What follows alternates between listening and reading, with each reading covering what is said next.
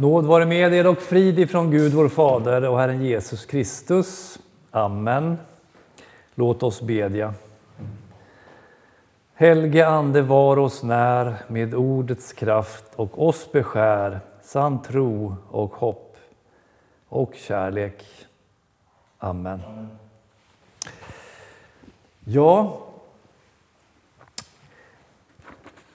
Rosenius och Waldenströms försoningslära, eller kanske man snarare ska säga Rosenius och Waldenströms försoningsläror, är ämnet för idag därför att de har ju helt olika försoningsläror som vi kommer att se.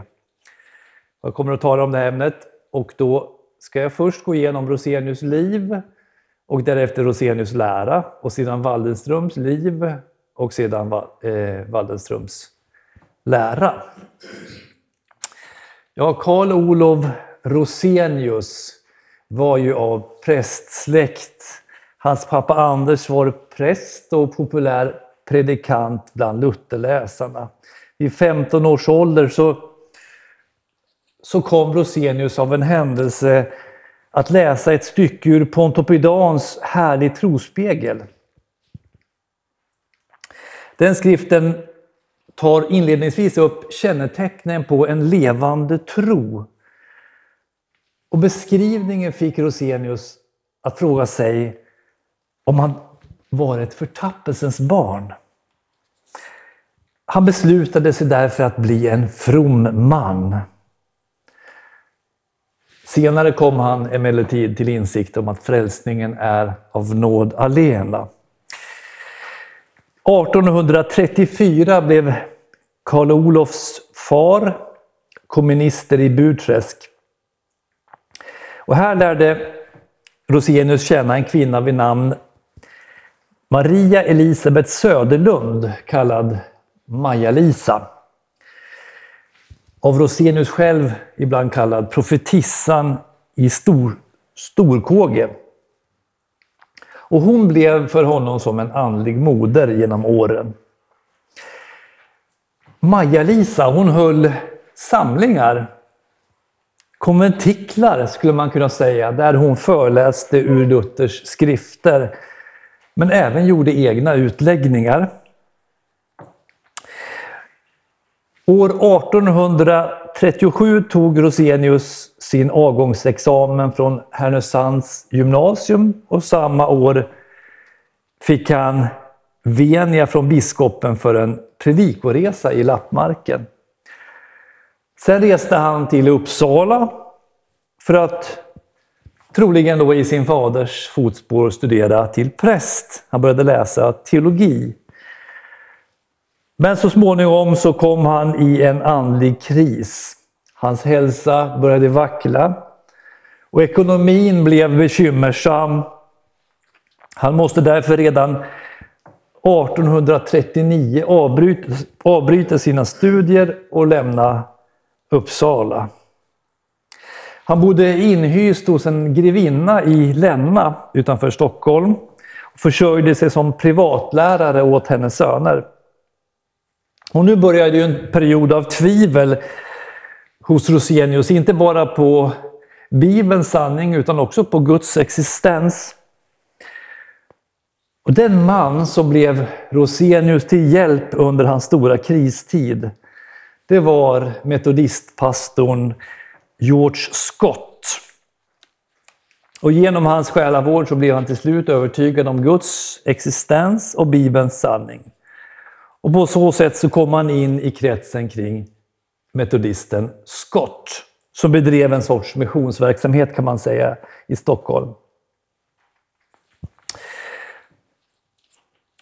Och Rosenius började då 1840 att predika i Scotts kyrka och blev då avlönad av Metodistkyrkan för sin predikoverksamhet. Metodistkyrkan i England. 1842 utger Rosenius och Scott det första numret av månadstidskriften Pietisten.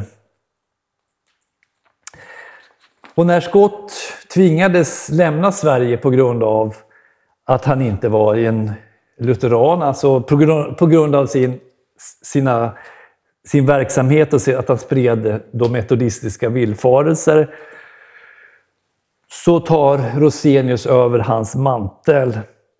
Det är Rosenius som blir missionär i Skotts ställe och får ensam svara för pietistens utgivning.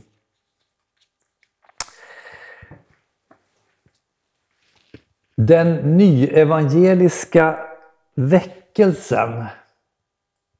Vad var det för någonting? Jo, det var ju Lutherläsare. Det var allvarliga människor som spred Guds ord genom kolportörer, alltså människor som sålde böcker, och genom predikanter. Den nyevangeliska väckelsen spred sig i Sverige och det bildades missionsföreningar runt om i landet, alltså föreningar som ville bedriva mission, men inom Svenska kyrkans ram. Läsarna samlades i bönhus, man hade alltså inte några gudstjänster högmässotid, utan man hade det kanske på eftermiddagen, kvällen, på söndagen eller, på, eller dagen innan, då man hade eh, möten i bönhuset. Så när alla de här missionsföreningarna hade bildats runt om i Sverige så uppstod behovet av någon sorts samverkande organ. Och så bildades då 1856 Evangeliska Fosterlandsstiftelsen. Och Rosenius har gjort sig känd för sin förkunnelse av frälsningen av nåd alena för Kristi skull genom tron och sin iver att sprida ut, sprida ut evangeliet genom mission. Han blev emellertid påverkad av en form av pietism, ska vi i ärlighetens namn säga. Gentemot Eh, Hedberg, som var Rosenius motsvarighet i, i Finland kan man säga, så betonar han omvändelsen på ett sådant sätt att den eh, liknade pietism. Ändå så föll han aldrig in i den här chartauanska pietismen där man då gjorde omvändelsen till en process. Nådens ordning som ni kanske känner till med olika steg. Men på en punkt så präglade pietismen Rosenius och det är hans ivriga eh, insisterande på ett kvarblivande inom statskyrkan. Där skulle man förbli eftersom denna kyrkokropp hade sakramentsförvaltningens ämbete. En präst var ju då, eh, hävdade Rosenius faktiskt, bara den som var vigd av en vigd. En närmast eh, romersk-katolsk uppfattning. Han vände sig mot alla former av separatism, alltså kyrklig verksamhet utanför statskyrkan. Brödragemenskapen, alltså de, de här konventiklarna, de här samlingarna som man samlades till, kunde man kunde visserligen ha predikanter, men inte någon riktig sakramentsförvaltning, alltså dop och nattvard. Och på så sätt så blev ju missionsföreningarna en sorts kyrka inom kyrkan kan man säga. Allt i enlighet med, för, ni, för er som har läst kyrkohistoria, Speners uppfattning om de fromma konventiklarna. Alltså hur en liten brödraskara inom den stora kyrkan skulle upprätthålla livet i kyrkan. Rosenius dog 1866. Nu någonting om Rosenius lära. Syndafallet och lagsförbundet. Gud skapade enligt Rosenius den första människan, som Lars har talat om, till Guds avbild eller beläte. Och denna avbild bestod av människans sanna ljus i förståndet, hennes helighet och frihet i viljan. Men, säger Dosenius, hon skulle gå igenom ett lydnadsprov. Citat. Adams prov var ämnat att vara ännu något mer än en övning i helgelse för honom själv. Det skulle samtidigt vara ett prov å hela människosläktets vägnar enligt ett förbund som Gud slutit Hela släktet var innefattat i Adam. Därför var utgången avgörande för alla människor efter Adam.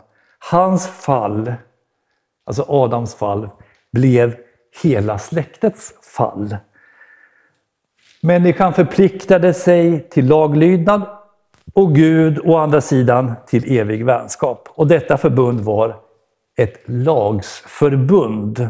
Eftersom Gud därvid gjorde försä eh, försäkran under villkor av för, för uppfyllande av, lagens, av lagen helt enkelt. Nådesförbundet, eller nådeförbundet.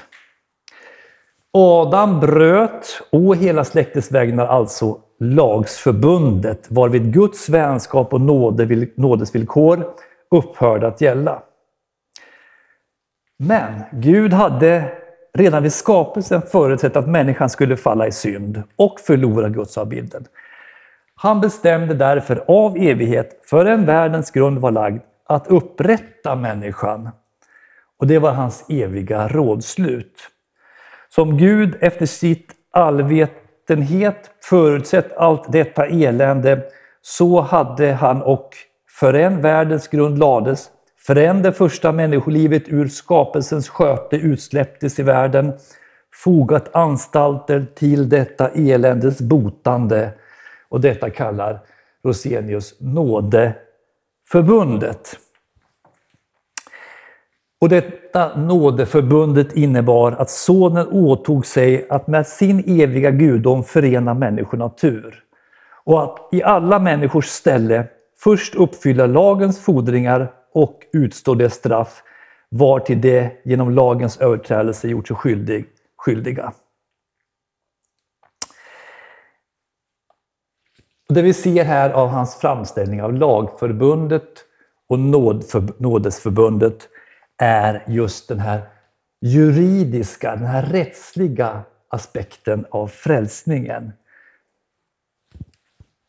Frälsningen är ett juridiskt förfarande.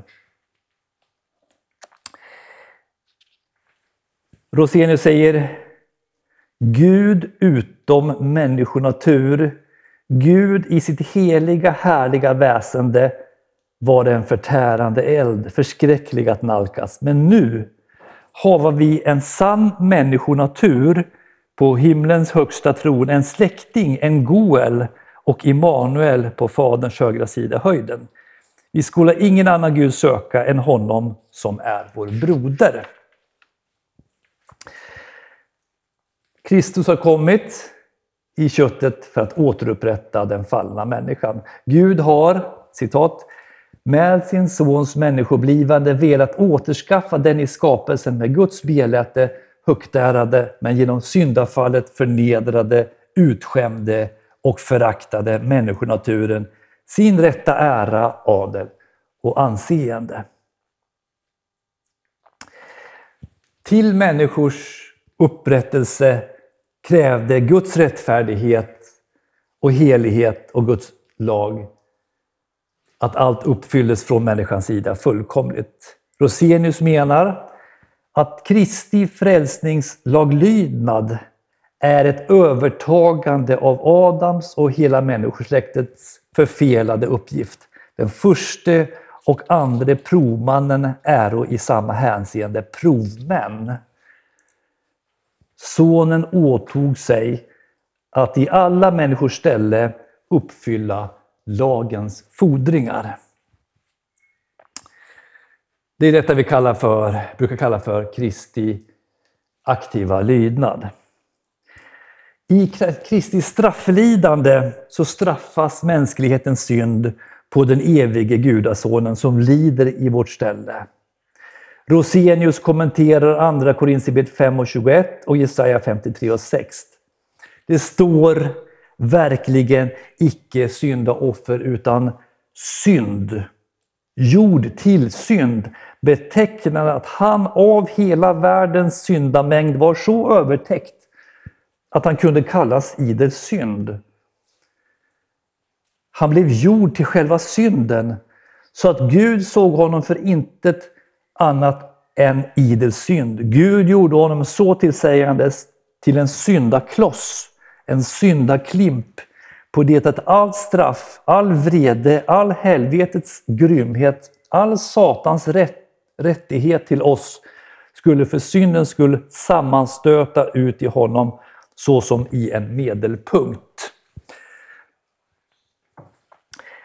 Med Guds tillräknelselag är det icke ett skämt, säger Dosenius, utan det största allvar. När Gud en gång kastat synden på honom kunde han icke ens inför Gud klaga att han var oskyldig, utan han måste stå för Fadern som stor syndare och smaka all lagens förbannelse.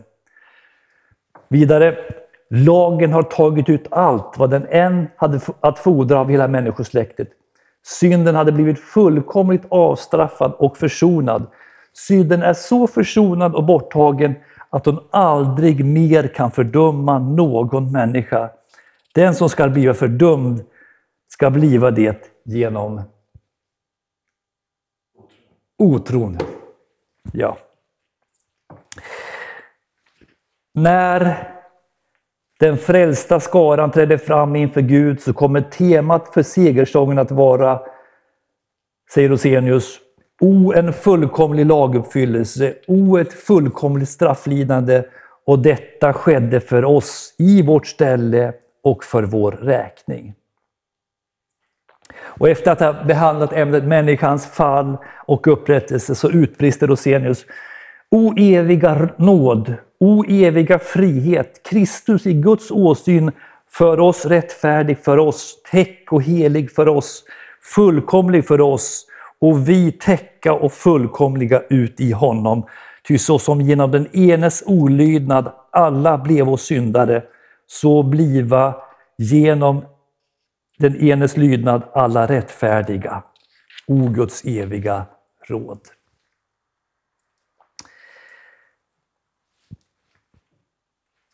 Kristi försoning innebär en fullkomlig tillfyllestgörelse tillfyllesgörelse. Satisfaktio, det är ju ett begrepp som vi kanske inte använder så ofta i modern svenska, men vad ska vi, hur ska vi översätta det? Gottgörelse. Kanske. Kristus har genom sin försoning gottgjort, tillfyllestgjort. Pietisten, tidningen Pietisten citeras. Gud är rikligen tillfredsställd genom en försoning som evinnerliga gäller. Det är allt på lag och rätt grundat att vi har nåd och rättfärdighet inför honom. Det grundar sig på en skedd och fullkomlig betalning, en erlagd och av Gud antagen lösepenning. Och det faktum att försoningen är ett fullbordat verk för med sig, vad då? Jo, att allting är av nåd. För är allting fullbordat, är allting färdigt, så finns det ju ingenting för människan att tillägga. Och Rosenius använder de hernhutiska uttrycken när han säger den grundliga frälsningen skedde för 1800 år sedan på avrättsplatsen Golgata vid Jerusalem. Ytterligare en sak ska betonas när det gäller Rosenius, det är att han lyfter fram att frälsningsverket är en objektiv verklighet. Det vill säga frälsningen, frälsningsverket sker utanför människan. Försoningens och frälsningens giltighet är inte beroende av våra känslor eller tankar. Förlåtelsen grundar sig inte på vår tro eller vårt mottagande. Allt det som länder till vår salighet grundar sig enligt Rosenius på en verklighet som befinner sig utom oss själva. Och den här sanningen uttrycker Rosenius knivskarp i sin dagbetraktelse för den 31 mars som utlägger Kolosserbrevet 1 och 14 och den här kan väl Ingemar utan till misstänker jag. Här står att vi vore förlikta med Gud genom hans sons död.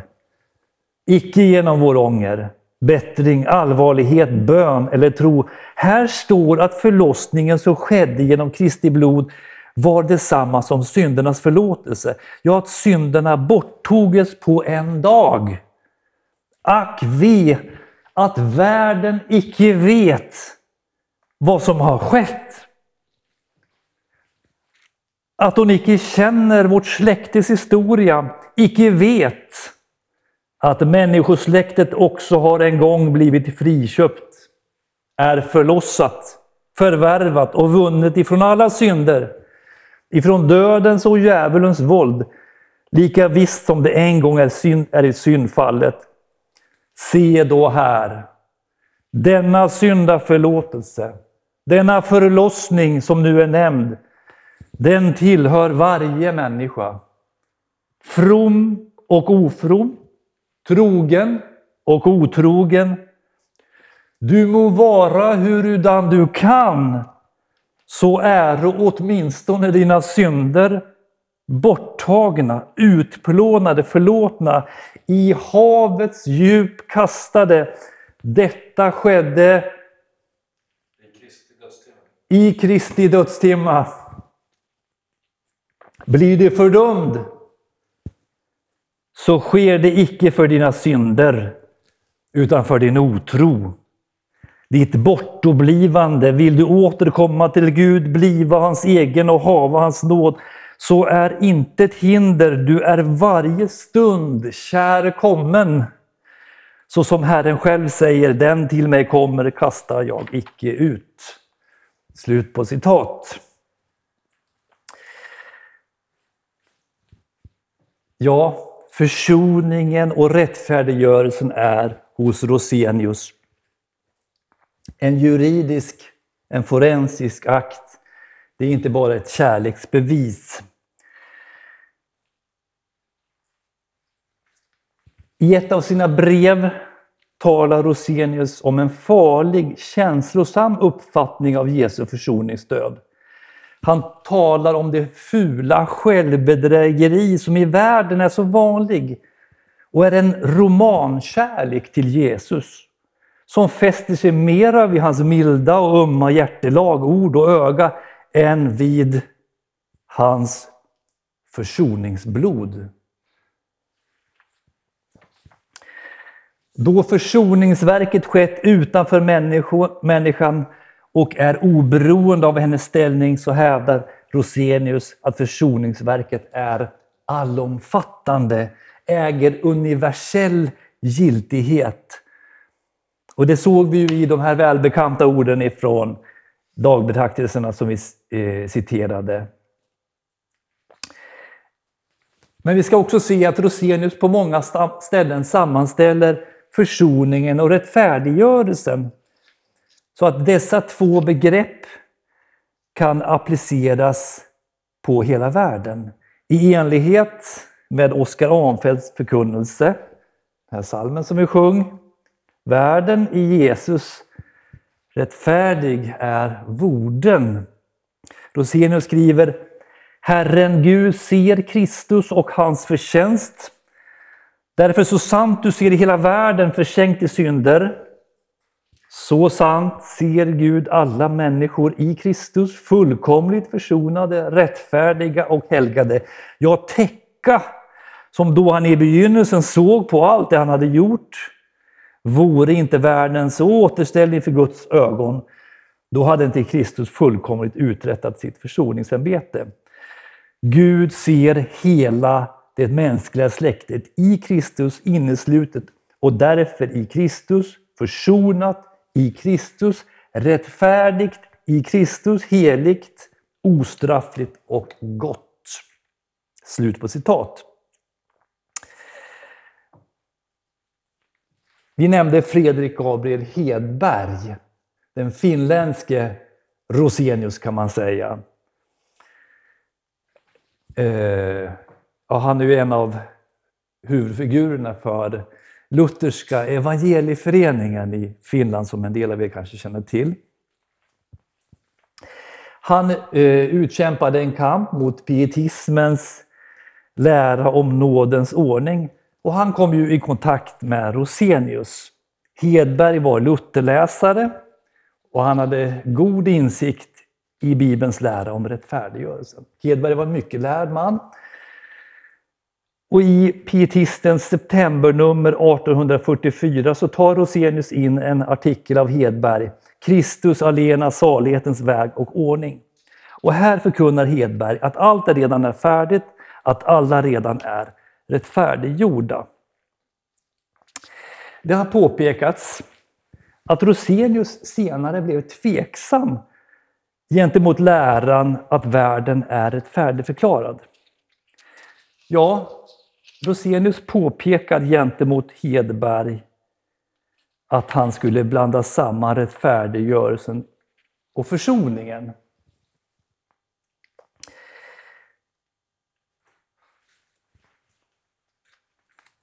Vi, vi har nämnt Oskar Arnfelt.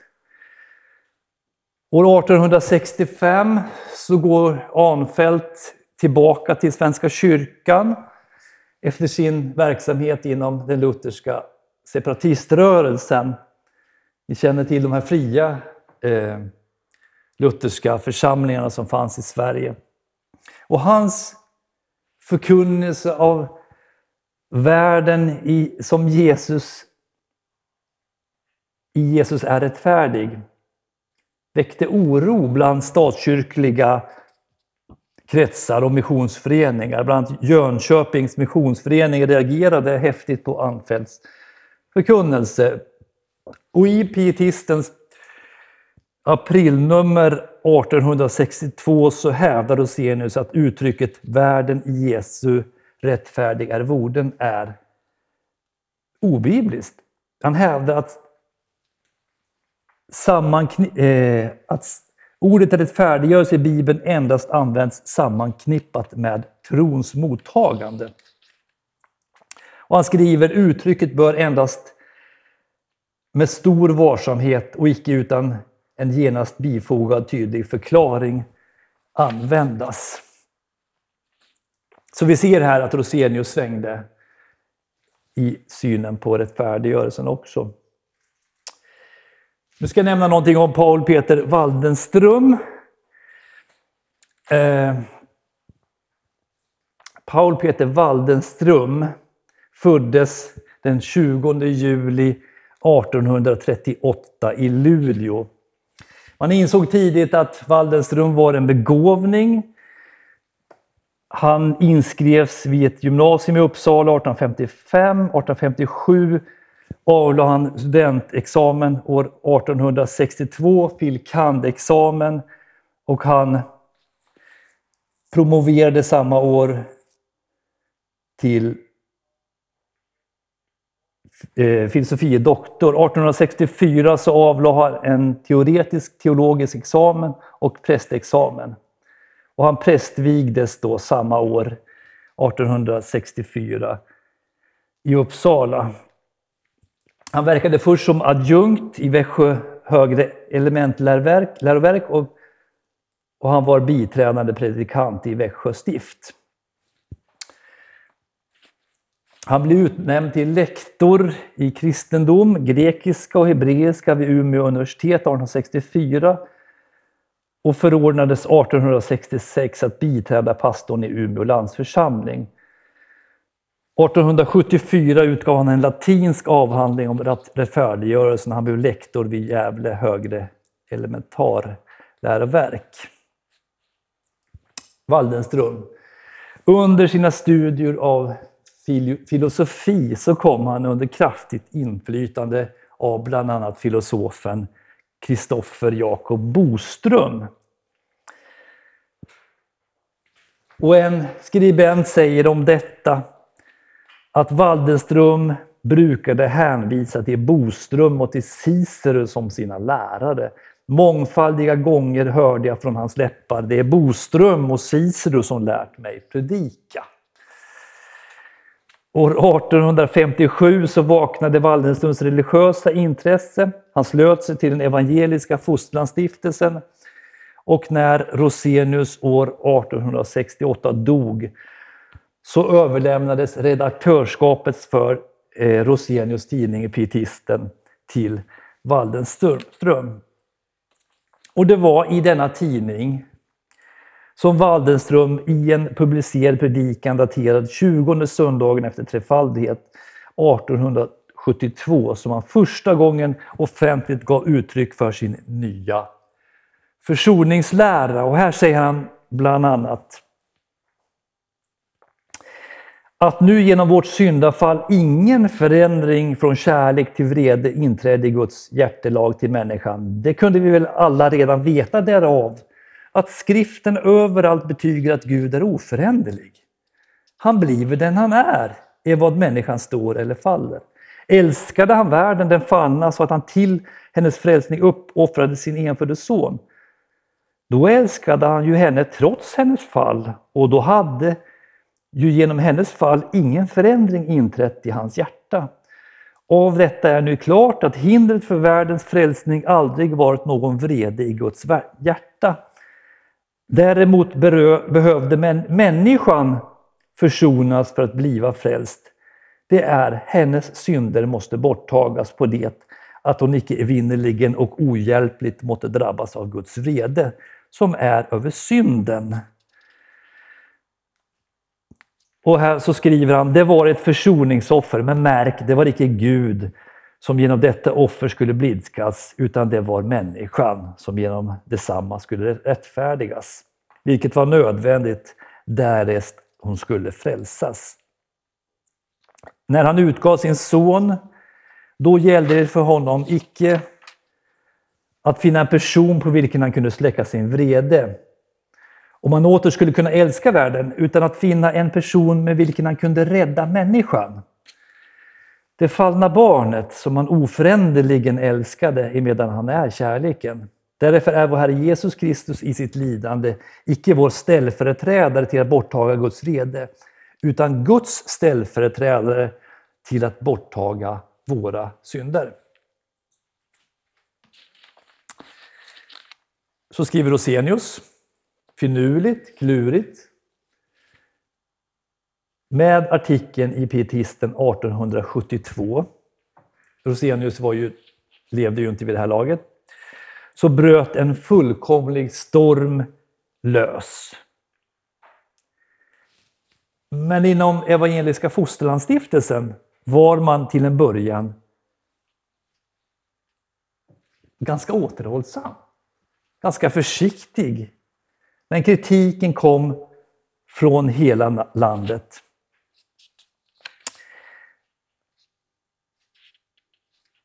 Kritiken handlade om Rosenius nya försoningslära, men den handlade också om att Waldenström hade börjat med separata nattvardsgångar för troende, som man sa. Det så kallade rena nattvardsbordet. Och det här började, den här diskussionen kring det rena nattvardsbordet började 1877. Och eh, Waldenström var inte sen att besvara kritiken och han började publicera en rad böcker om försoningens betydelse, Jesu blod, Herren är from, Guds eviga frälsningsråd, Guds lamm, predikningar över Svenska kyrkans högmässotexter, stycken av Livets ord, Smärtornas man etc. IFS, Evangeliska Fosterlandsstiftelsen, var till en början ganska tamt. Lamt. Och vid ett styrelsemöte så diskuterades år 1874 om Wallenströms skrift om försoningens betydelse skulle spridas genom stiftelsens bokhandlar och svaret blev ja. Eh, till EFS årsmöte 1876 beslutade styrelsen att ingen offentlig diskussion må vid detta årsmöte förekomma. Man förstod att det, det, kunde splittra, så man valde att trycka undan den här frågan om Waldenström och hans nya försoningslära. Men hos missionsföreningarna så växte ju givetvis både populariteten hos, för, för Waldenströms popularitet och kritiken mot Waldenström. Eh,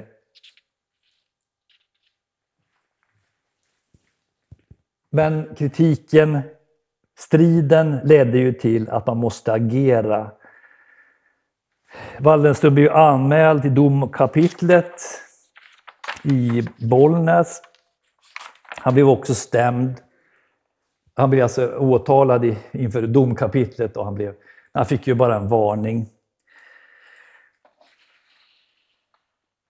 1878 så bildades Svenska Missionsförbundet på grundval av att Waldenströmska missionsföreningar inom EFS bröt sig ut. Och år 1882 så fick Waldenström avsked från prästämbetet. Han dog år 1917.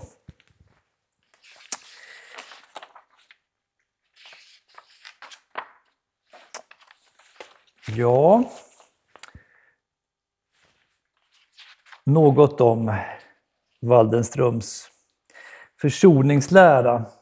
Jag har ju nämnt citerat ifrån den här skriften, Pietisten. Ska vi ta upp några små saker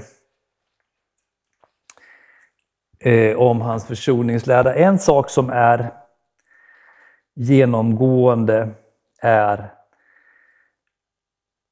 Waldenströms tanke på Guds väsens oföränderlighet.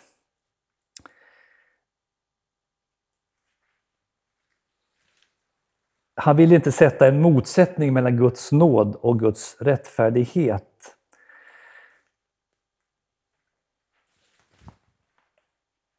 Han kunde inte skriva under till exempel på orden i sångstrofen Guds heliga vrede i blodet är släckt. Han säger Guds vrede är ingenting annat än den gestalt eller den form som Guds rättfärdighet har i förhållande till synden. Att släcka Guds vrede var därför, vore därför detsamma som att släcka Guds rättfärdighet. Guds vrede över synden kunde ej genom Kristi död borttagas.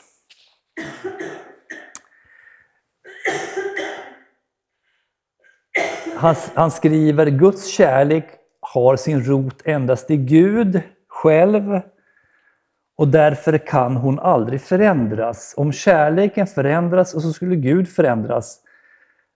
Men då vore han icke längre Gud. Här ser vi ju ganska tydligt att Waldenström argumenterar utifrån filosofiska postulat. Och slutledningen blir ju förödande. Att Gud inte ser annorlunda på människan efter syndafallet, att Gud inte ser annorlunda på människan efter Kristi död. Att varken människans synd eller Kristi offer påverkar förhållandet mellan Gud och människa. För Waldenström är människan problemet.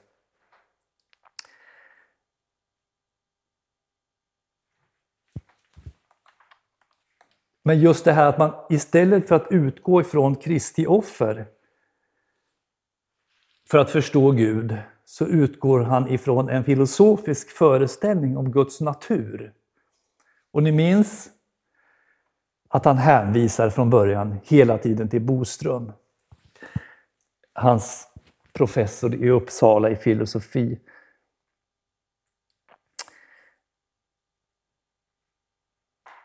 Waldenström kan tala om försoningsoffer.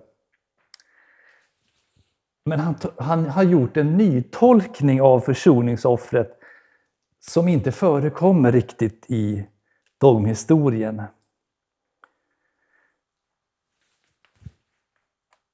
Han säger det var icke Gud som genom detta offer skulle blidkas, utan det var människan som genom detsamma skulle rättfärdigas.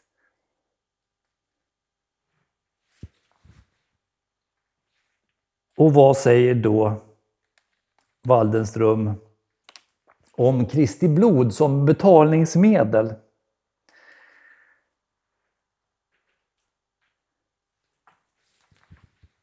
Att den skulle vara någon sorts betalning åt Gud för människans skuld menade Waldenström att så var det inte. Kristi blod är ingen betalning för någonting. Kristi blod har enligt Waldenström inget särskilt värde inför Gud. Nej. Blott om blodet såsom renande, såsom rening. Offerblodet var syndborttagande, renande i direkt konkret mening. Och hur då offerdjurens blod kunde ha den här verkan, det kan inte Waldenström riktigt förklara utifrån offren i Gamla Testamentet. Waldenströms syn på försoningen påverkar ju också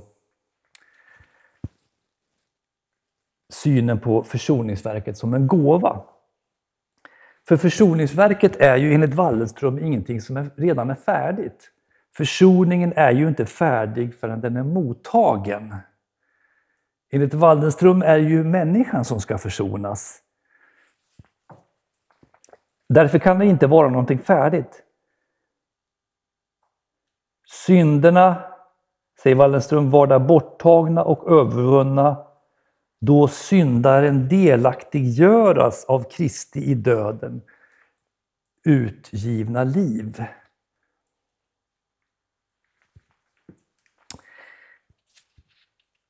Det är ju inte Gud enligt Wallenström som är objektet för försoningen utan människan.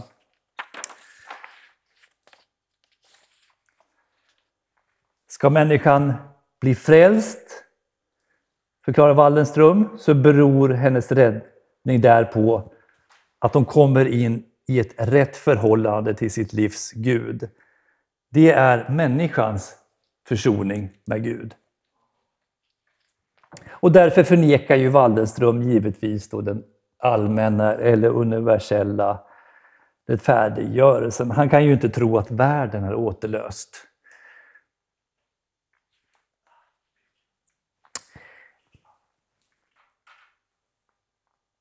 Och han kan inte heller mena att rättfärdiggörelsen är juridisk eller forensisk.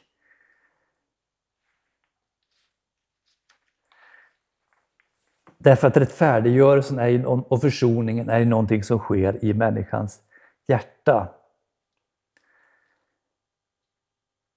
Det är frågan, säger han, icke blott om en tillräknad utan om en inre hjärtats rättfärdighet likartad med den rättfärdighet som bor i Kristus. Och var har vi hört det här? Jo, i den romersk-katolska kyrkan. I romersk-katolska kyrkan så är rättfärdiggörelsen inte att bli förklarad rättfärdig för Kristi skull, utan att göras rättfärdig genom ingjutna nådekrafter. Märker ni att ingenting är nytt under solen? Det kommer tillbaka.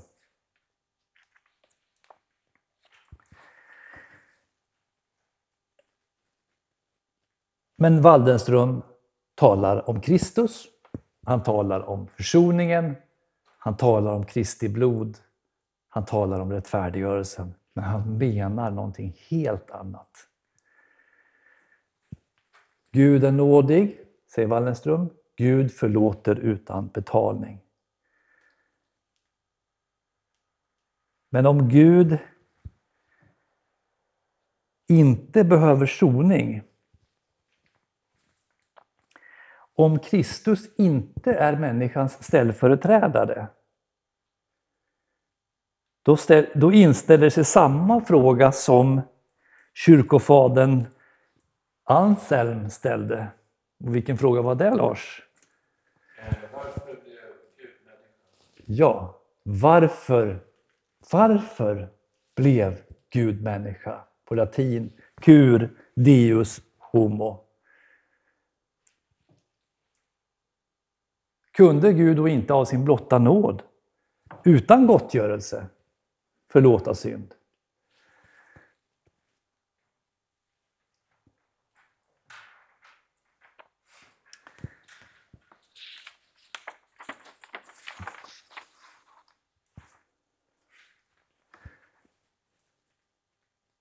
Hos Waldenström predikas att frälsningen och syndens besegrande är knutet till Kristi kors.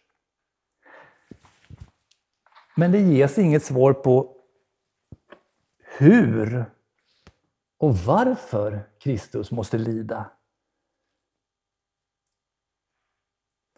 Och samtidigt så, själv, så sägs att den verkliga frälsningen sker genom tron.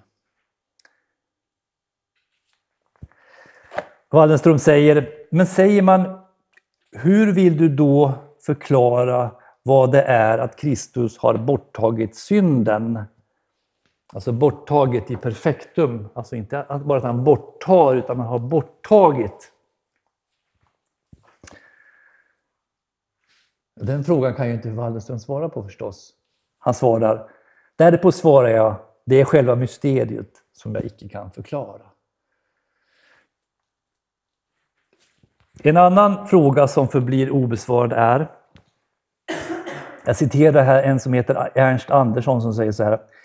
Jämförelsen i 1 Petrus 1, vers 18 och vers 19 mellan silver och guld å ena sidan och Kristi blod å andra sidan varmed de troende bliva återlösta leder tanken helt osökt in på en verklig transaktion, köp, återlösning på det andligt moraliska området.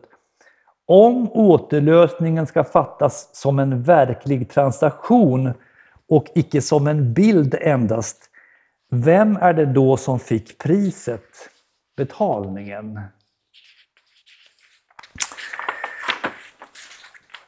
Och jag tänker att jag drar ett streck där ungefär. Jag skulle kunna fortsätta en stund till, men tiden går. Får jag läsa ett bibelställe bara också? Ja, jag tänkte så här att eh, vi skulle ju kunna ta, om det är någon som har någon särskild fråga, för då har vi ju en Rosenius-expert med oss här, Ingmar Andersson. Och vi kan hjälpas åt om det finns eh, sådana som vill ställa frågor. Men läs gärna ditt bibelord, Lars. Ja, det är från Efesierbrevet 5.2 där Paulus skriver så här. Och lev i kärlek, så som Kristus har älskat oss och utgett sig själv för oss som en offergåva, ett väldoftande offer åt Gud. Det är ju Ja. solklart. Ja. Precis som alla djuroffer i Gamla Testamentet också var ju offer åt Gud. Ja. Ja, är det någon som har någon fråga kring eh, Wallenström och Rosenius försoningsläror och kanske försoningsstriden? Det var nytt för mig det här att, att EFS agerade så tamt eh, Mm. under 1870-talet. Det Ja. var Det var alltså innan eh, det blev delat då. ja, 88. Ja.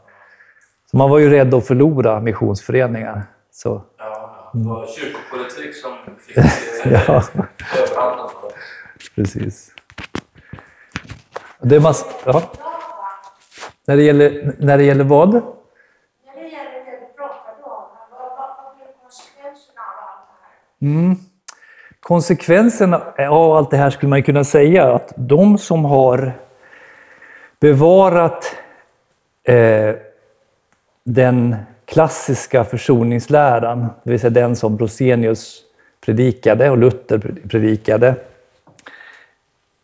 inom EFS och senare inom Missionssällskapet Bibeltrogna vänner, de har ju ändå fortsatt att förkunna evangelium. De har förkunnat Kristus som korsfäst. död för syndare. Men gå in till... Eh, nej, gör inte det förresten. Men, men om ni skulle gå in till eh, svenska, nuvarande Svenska Missionsförbundets församlingar i Sverige. Det kallas för Ekumeniakyrkan numera. Man har slagit ihop tre olika samfund. Men så kommer ni ytterst sällan få höra Kristi försoning ens nämnas.